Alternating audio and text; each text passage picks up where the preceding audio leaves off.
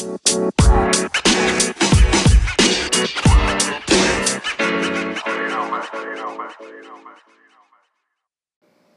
welcome back to my podcast, Andra Sofian Podcast.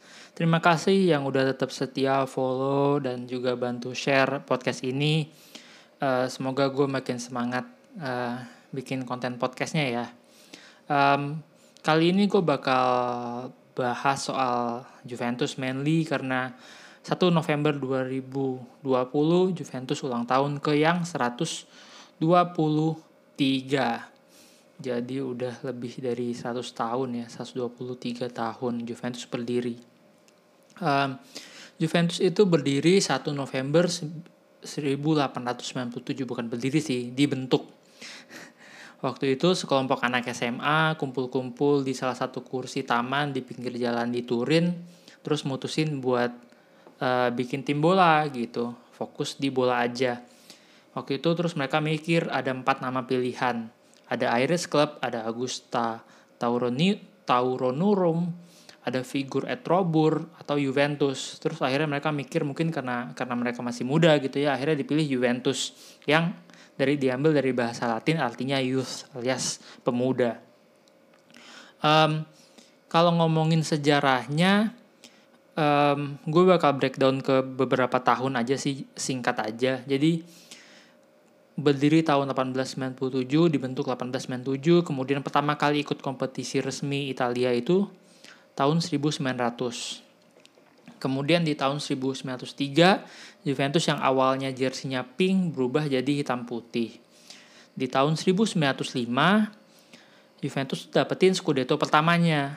Gitu. Scudetto pertama ini di waktu itu Juventus presiden klubnya adalah Alfred Dick yang later on tahun tahun depannya tahun 1906 Alfred Dick ini keluar dari Juventus terus bikin Torino FC yang akhirnya sampai sekarang jadi makanya ada uh, derby della Mole derby antar uh, klub di kota Turin.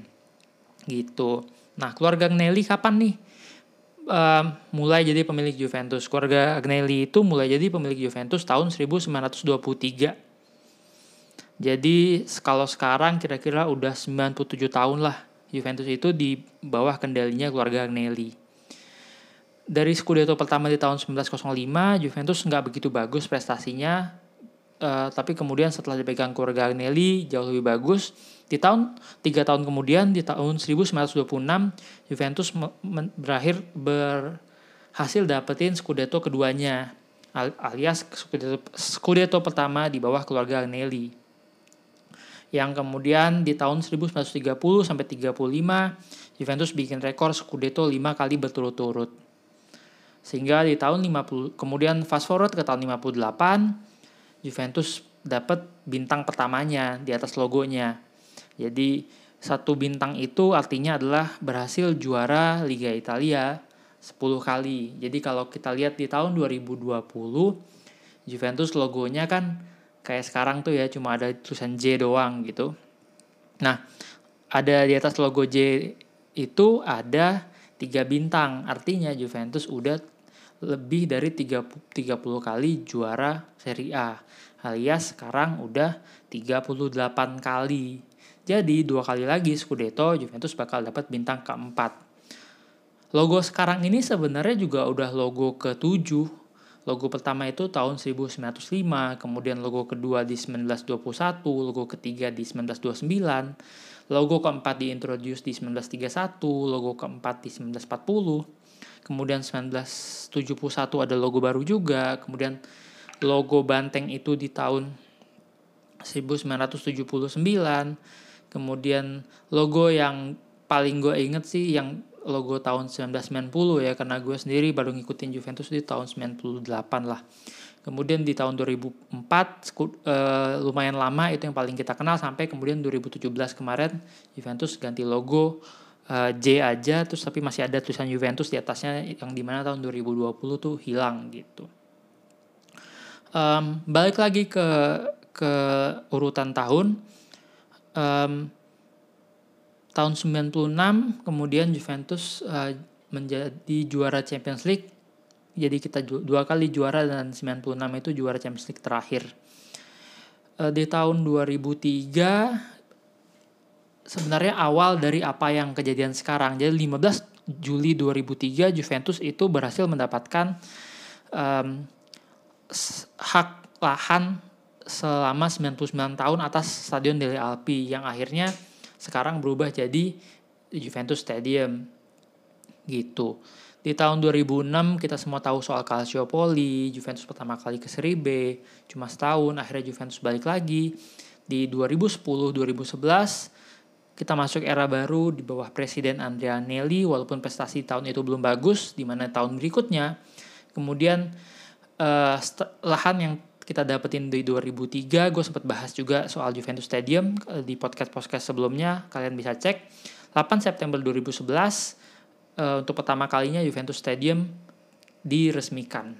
Nah sejak itu di musim 2011-2012 Juventus akhirnya dapetin Scudetto-nya yang ke-30 bintang ketiga Sul Campo di atas lapangan unbeat dan musim itu musim unbeatable dan akhirnya Juventus tak terkalahkan sampai sekarang Scudetto berturut 9 kali. Kemudian di tahun 2013, persis 10 tahun setelah kita dapat 99 tahun list dari Stadion Delle Alpi dari lahan itu, kemudian kita dapat lagi nih 99 tahun hak lahan atas Kontinasa yang hmm, akhirnya sekarang berdiri uh, Juventus Village. Nanti gue bakal jelasin ada apa aja sih di Juventus Village itu. Kemudian milestone berikutnya adalah 2017 untuk pertama kalinya Juventus bikin tim women, Juventus Women. Kemudian 2018 Juventus bikin Juventus Under 23. Um, satu-satunya tim di Italia yang punya reserve team di liga profesional, mulai dari Serie C. Terus uh, kalau dibilang siapa sih pemiliknya Juventus selain keluarga Nelly gitu. Nah, di tahun 2001 Juventus itu as a company, bukan sekedar football club lagi ya. Jadi sebagai sebuah perusahaan tuh Juventus tahun 2001 tuh go public. Sahamnya dijual di bursa saham. Nah, pemegang sahamnya siapa aja sih Juventus sekarang? Sekarang itu pemegang saham Juventus 63,8% dipegang sama Exor. Exor itu uh, perusahaan yang di, yang seluruhnya dimiliki oleh keluarga Nelly. Kemudian 11,3% dipegang oleh Linsdell, Linsell Train namanya, itu kayak investment company gitu. Uh, setahu gue megang beberapa klub bola Eropa juga. Terus 24,9% itu free float uh, diperjualbelikan di pasar bebas di bursa saham. Sehingga kalau lo mau ngerasain jadi pemilik Juventus lo bisa gitu. Berapa persen aja lo bisa bisa bisa bilang lo pemegang saham. Um, ya kenapa enggak gitu kan? Gue sendiri megang saham Juventus dari 2015 2016 eh, lah. Jadi keuntungannya apa sih? Keuntungannya ya gue bisa bisa ikut rapat umum megang saham. Contohnya yang gue ikut tahun lalu 2019 walaupun gue nggak bisa menginfluence keputusan manajemen. Karena toh sebenarnya 63,8% alias saham uh, mayoritas tetap masih dipegang keluarga Nelly. Jadi suara di luar 63,8% ini ya hampir tidak berpengaruh lah tapi ya seru aja kayak walaupun nggak berpengaruh manajemen tetap aja setiap tahun mesti bikin shareholders meeting dan dan mempertanggungjawabkan apa yang telah mereka lakukan dalam satu tahun ke owners. Ya kita termasuk ownersnya gitu.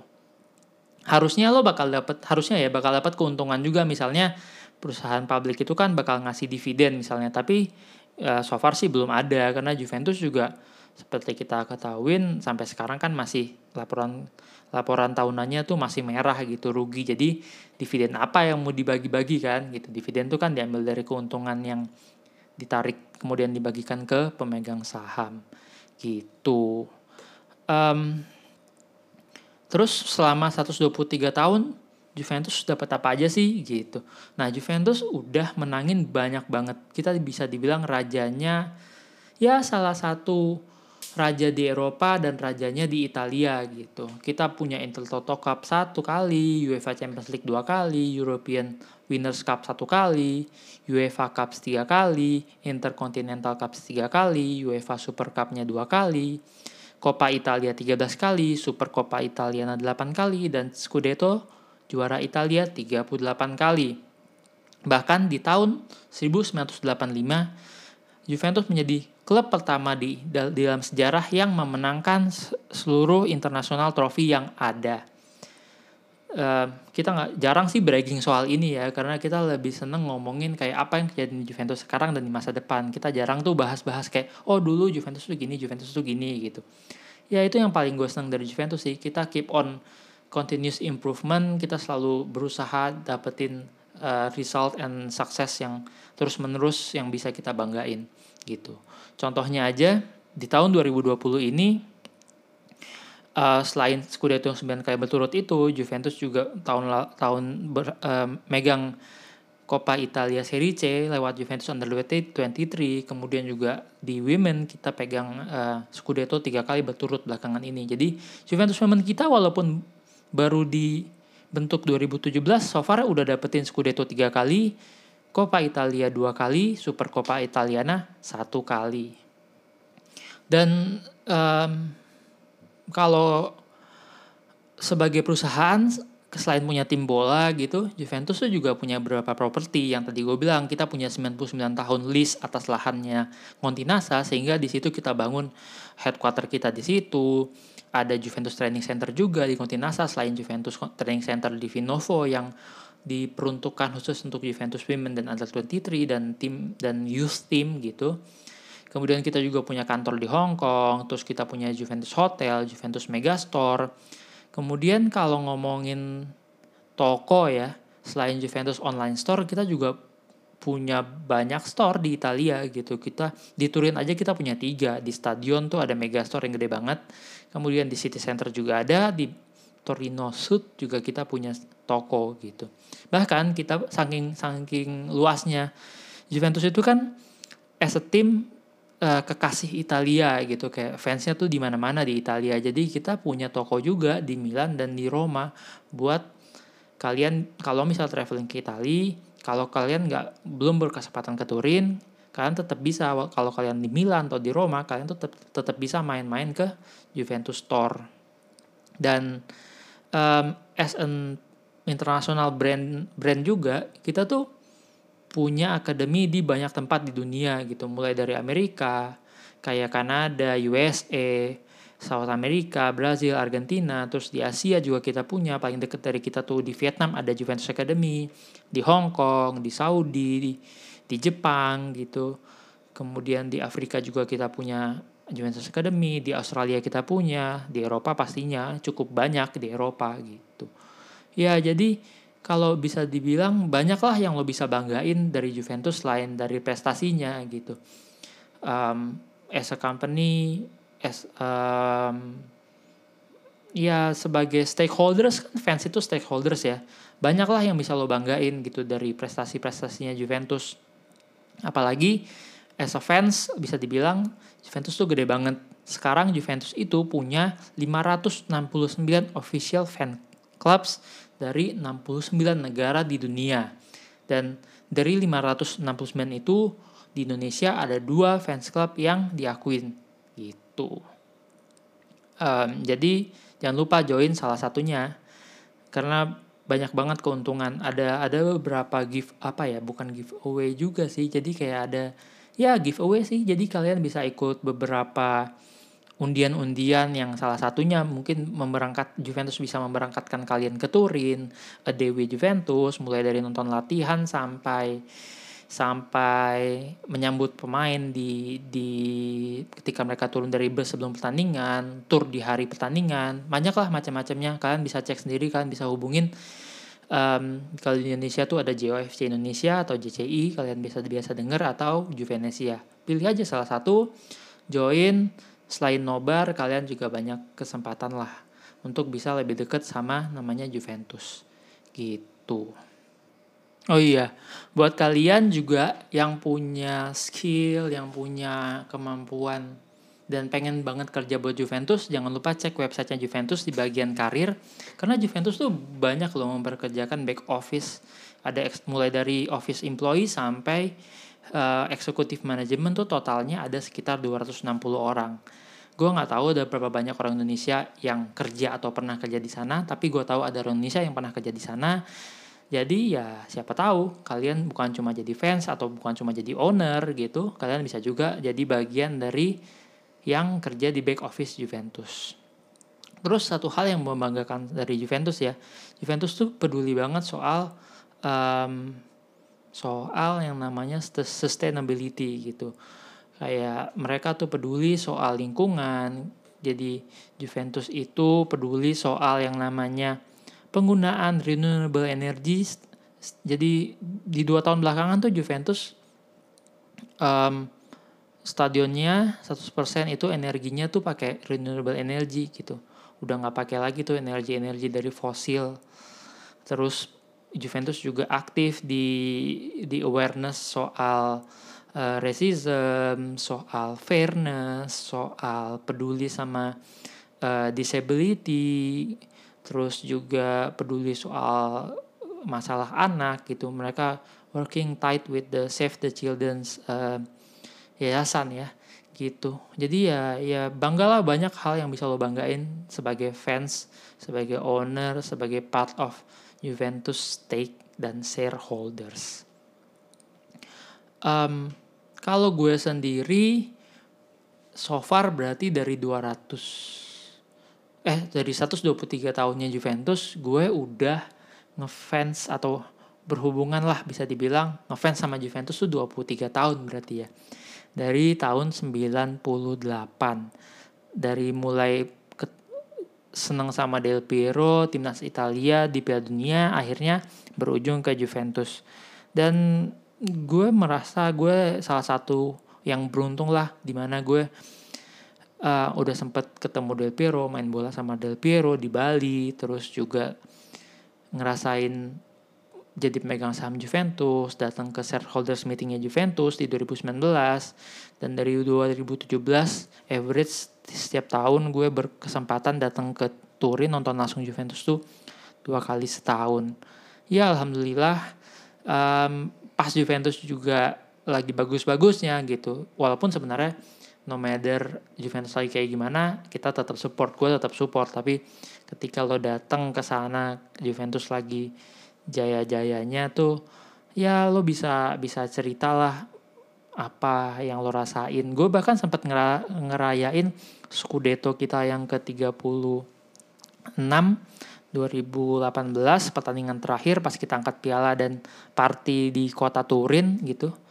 Pawai, gue pas di sana, pas ikut pawainya, pas ya sesuatu bagian dari perjalanan hidup gue yang yang cukup seneng gue bayang-bayangin dan cukup senang gue ceritain ke teman-teman Juventini sih. Semoga teman-teman semua bisa punya kesempatan yang sama bahkan lebih baik dari gue untuk bisa enjoy Juventus dan kota Turin. Well, kota Turin tuh banyak banget yang bisa lo lihat. It's more than Juventus. Kalau kalian bisa follow lah, uh, bisa follow around Turin misalnya. Banyak banget info-info betapa kota Turin itu banyak hal yang bisa kalian lihat juga di sana. Jadi kalau kalian punya kesempatan ke Italia atau ke Eropa, ya paling nggak gunain tiga hari lah atau empat tiga empat hari di kota Turin buat eksplor Turin, buat eksplor Juventus, mulai dari Juventus uh, stadion, museum, headquarter, store dan dan tur kota Turin lainnya.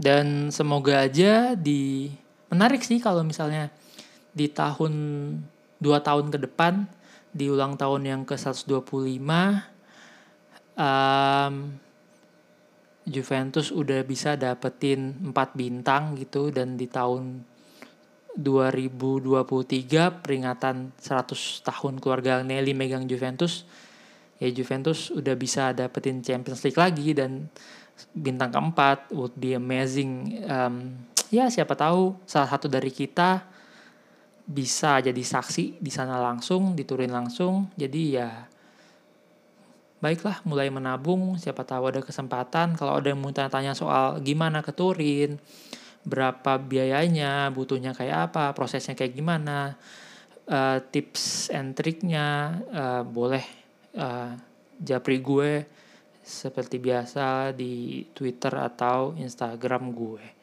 gitu. Gue rasa itu aja sih dari soal Juventus 123 so happy birthday Juventus fino alla fine forza Juve per sempre. Nah move on ke Juventus 2020 Nah, uh, kemarin Juventus akhirnya menang lagi menang gitu, kembali ke jalur kemenangan setelah uh, menang lawan Sampdoria di laga perdana. Kemudian di liga di tiga pertandingan terakhir Juventus imbang 1-1 lawan Verona, kalah 2-0 dari Barcelona dan akhirnya menang 4-1 dari Spezia. Ya, bisa dibilang work in progress-nya Pirlo kelihatan sih, walaupun mungkin tidak secepat apa yang kita Juventini pengenin. Tapi sebenarnya dari awal uh, udah jelas sih tugas nomor satunya Pirlo tuh adalah memperbaiki uh, situasi di ruang ganti yang di mana Presiden Anelli dan juga Pjanic di salah satu interviewnya bersama Tuto Sport juga bilang betapa Sari itu bikin rusak. Ini ya damage-nya tuh gede banget buat ruang ganti. Makanya kalau gue bilang targetnya Juventus itu kan yang pas yang yang benar-benar selalu di, disampaikan adalah oh kita mau Scudetto 10 kali berturut dan kompetitif di Eropa. Asumsi gue kompetitif di Eropa tuh quarter final lah. Di situ mulai banyak du mulai duit masuk. Jadi kayak selama lo quarter final ataupun ya mendekati quarter final lo udah oke okay lah gitu. Tapi uh, menurut gue musim lalu tuh seandainya Sari menang Scudetto dan dia nggak ngerusak ruang ganti, mungkin sekarang kita bakal lihat Sari di di Juventus dan Pirlo di under 23 tapi kan ya udah kejadian gitu berantakan banget di ruang ganti. Dan ya so far Pirlo udah bisa ngendalin ruang ganti. Uh, anak-anak Juventus lebih antusias.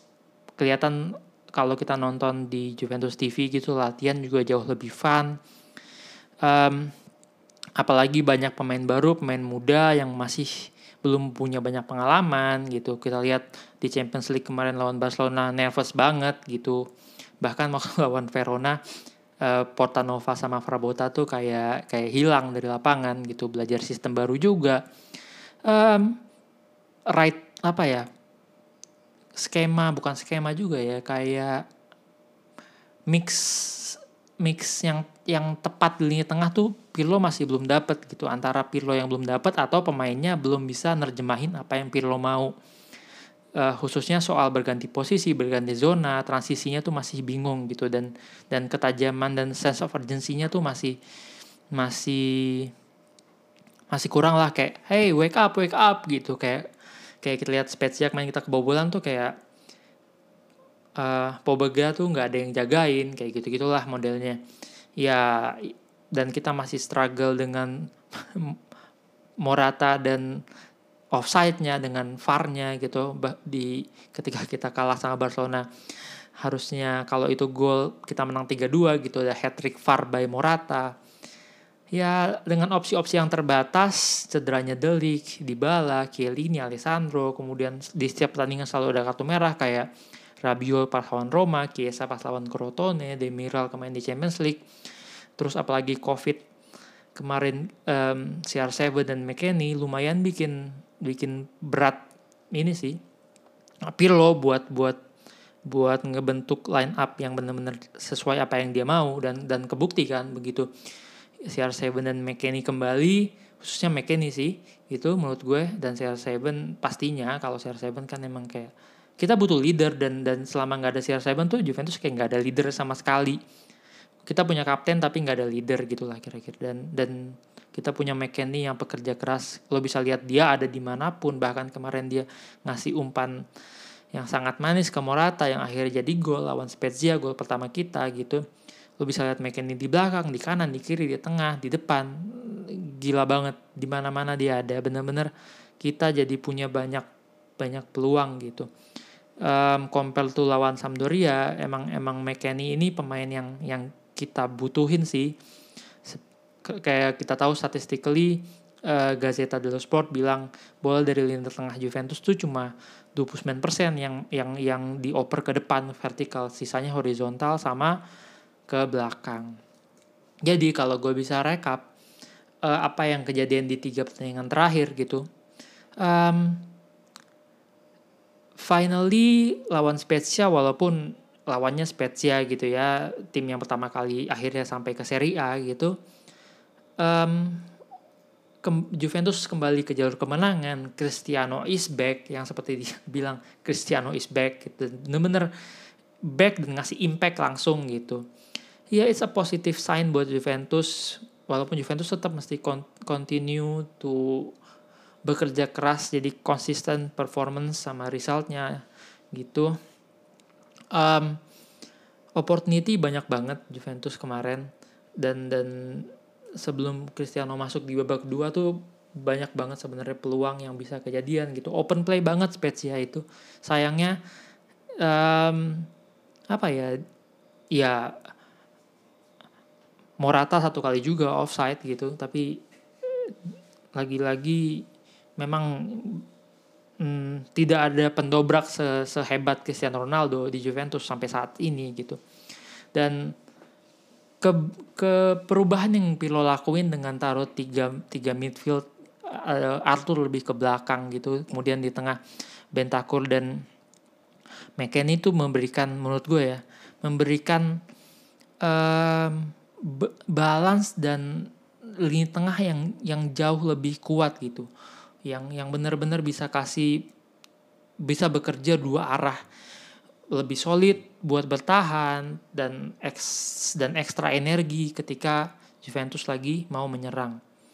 Um, gue cukup senang dengan progresnya Morata yang gila-gilaan on fire, um, mentalnya gila-gilaan walaupun berkali-kali VAR dia tetap tetap tetap nggak peduli, tetap setiap ada kesempatan dia bisa cetak gol dia akan cetak gol, positioningnya mantap, walaupun masih belum beruntung. Um, Danilo yang yang so far dari awal musim sampai sekarang Messi gue kayak musim lalu tuh dijelek-jelekin lah siapa. Danilo out dan lain-lain terus musim ini jadi apa ya jadi esensial banget gitu. Di di di di lini belakangnya Juventus gitu. Um, apalagi sekarang di bala balik walaupun masih masih di bala masih hilang di lapangan gue nggak ngerti apa karena segitu lamanya belum segitu lamanya nggak main ya sehingga belum nyetel apa belum nyetel juga sama sama strateginya Pirlo gitu Cristiano juga udah balik lagi Chiellini dan De yang gue harapin bakal ngasih perubahan besar di lini belakang bakal balik minggu depan. Kalau nggak lawan Lazio, um, pastinya bakal balik setelah international break. Um, lagi-lagi trial and errornya Pirlo berbuah hasil kali ini tapi hasilnya positif. Posisi Arthur kemarin itu bagus banget statistically. Um, ball play sama successful pace-nya pasnya tuh tinggi gitu. Manuvernya tuh mantep banget. Um, three man midfieldnya bekerja sangat baik. Gue nggak tahu apakah itu akan menjadi solusi yang yang permanen gitu apa atau atau atau Pirlo bakal coba-coba lagi di di pertandingan-pertandingan lain. Karena ya balik lagi kemarin itu kan lawan Spezia minggu depan lawan Lazio. Bisa jadi akan akan dengan formasi yang sama gitu. Don't change the winning team mudah-mudahan juga pemainnya ready nggak ada yang kena covid lagi atau cedera lagi gitu. Um, apalagi kan the king is back dan bener-bener uh, Cristiano Ronaldo the Xavier is back gitu. Ya itu improve banget sih karena mental urusan mental sih menurut gue problem yang paling besar buat buat tim Juventus saat ini ya. Selain dari masalah di ruang ganti mental juga si anak-anak muda ini nervous banget kayaknya. Jadi dengan adanya Cristiano Ronaldo somehow memberikan mereka suatu boost lah gitu buat mentalnya mereka. Termasuk mentalnya Pirlo menurut gue. Pirlo juga menurut gue grogi sih. Kayak di awal musim dia nggak begitu banyak omong di pinggir lapangan, di kemudian di pertandingan kedua ketiga mulai ada suaranya dan akhirnya kemarin sumringah banget senyumnya Andrea Pirlo. Jadi ya Cristiano Ronaldo is back ini boost mentally bukan buat pemain-pemain lain tapi buat Mister Andrea Pirlo juga um, tetap uh, soal Dybala sih gue nggak terlalu banyak yang bisa gue bahas ya Dybala tuh kayak setiap musim selalu inkonsistensi gitu either hilang di awal musim atau hilang di akhir musim gitu. Nggak nggak pernah gue belum gue nggak inget Pir, um, Dybala tuh pernah satu musim full on on fire gitu. Jadi apalagi sekarang masalah kontraknya masih bertele-tele dengan dia minta uh, gaji setengah dari Cristiano padahal gajinya itu sudah setara dengan gaji Kulusevski plus Chiesa ya kita lihat aja apa yang bakal kejadian antara Dybala kontraknya dan manajemen. Kalaupun harus dijual ya musim depan lah terakhir ngejual sebelum kemudian dua musim lagi kontraknya habis gitu. Um, tujuh hari ke depan it's a fundamental days. Uh, poin maksimal yang harus didapetin buat mengamankan Champions League. Um, lawan Ferencvaros. Kemudian berikutnya kita lawan Lazio um, terus ada juga hari Senin rencananya hasil appealnya Napoli itu bakal keluar. Apakah tetap kayak sekarang Juventus dapat 3 poin Napoli minus 1 atau kemudian akan ada pertandingan yang ditunda gitu? Uh, kita lihat aja hari Senin. Jadi seminggu ke depan 6 poin krusial. Semoga dengan three man midfield ini juga terus memberikan uh, performance dan result yang sama-sama kita harapin baik kita pemain dan Pirlo dan manajemen gitu. Um, secara taktik gue nggak bisa banyak ada yang bisa gue bahas sih. Tapi intinya menurut gue satu hal yang kita tunggu-tunggu adalah semua pemain kembali dapat match fitnessnya 100% kita terhindar dari segala cedera. Walaupun gue khawatir sih minggu depan nih awas, awas lawan Lazio international break apa FIFA virus ini kalau strikes lagi ya kita bakal balik ke square one sih. Jadi kayak Pirlo mesti putar otak lagi. Semoga aja itu nggak kejadian. Um, Pirlo bisa memanfaatkan pemain-pemain yang tersedia dengan baik. Um, formasi yang kemarin tuh asik. Menurut gue asik banget. Tiga di belakang itu Demiral uh, Bonucci sama Danilo gue expect nanti kalau udah ada udah balik The League apakah akan uh, Demiral The League Danilo gitu atau Demiral karena Danilo tuh bagus gitu ya kalau diganti. Tapi kalau Bonucci gue nggak nggak tahu ba, Pirlo bakal berani nggak mainin nggak mainin dia gitu. Jadi maininnya um, Demiral Delik uh, Danilo atau malah kayak um, mungkin Delik Bonucci sama Danilo gitu ya. Chiellini tuh Chiellini sama Buffon tuh udah main di laga-laga ini aja lah laga-laga kalau Buffon tuh main di laga-laga melawan tim kecil kalau Chiellini tuh main di laga-laga Champions League aja lah.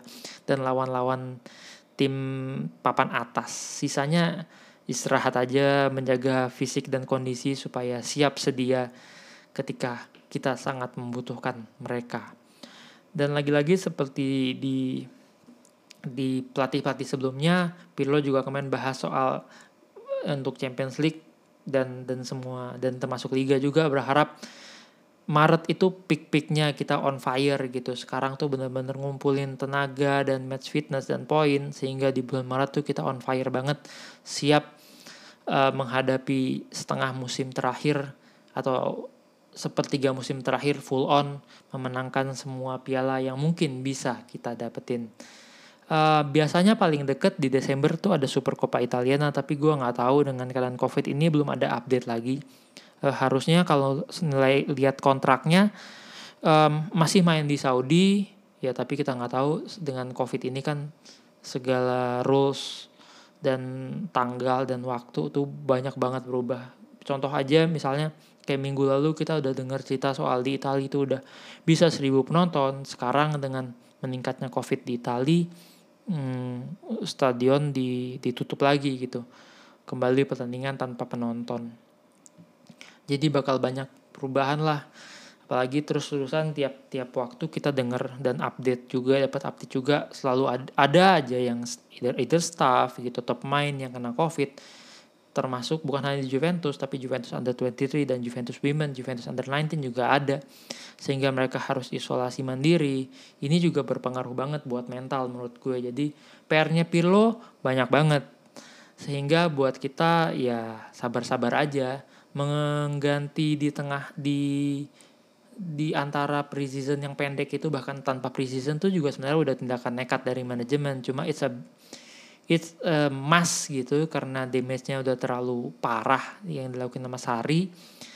Jadi kita dapat pelatih yang tanpa pengalaman sama sekali otomatis ya harus lebih legowo dan lebih sabar menghadapi musim ini. Walaupun secara di secara apa ya, secara tertulis gitu kalau lihat kalau lo main football manager lah FM gitu atau lo main PS atau main FIFA timnya Juve ini kuat banget gitu.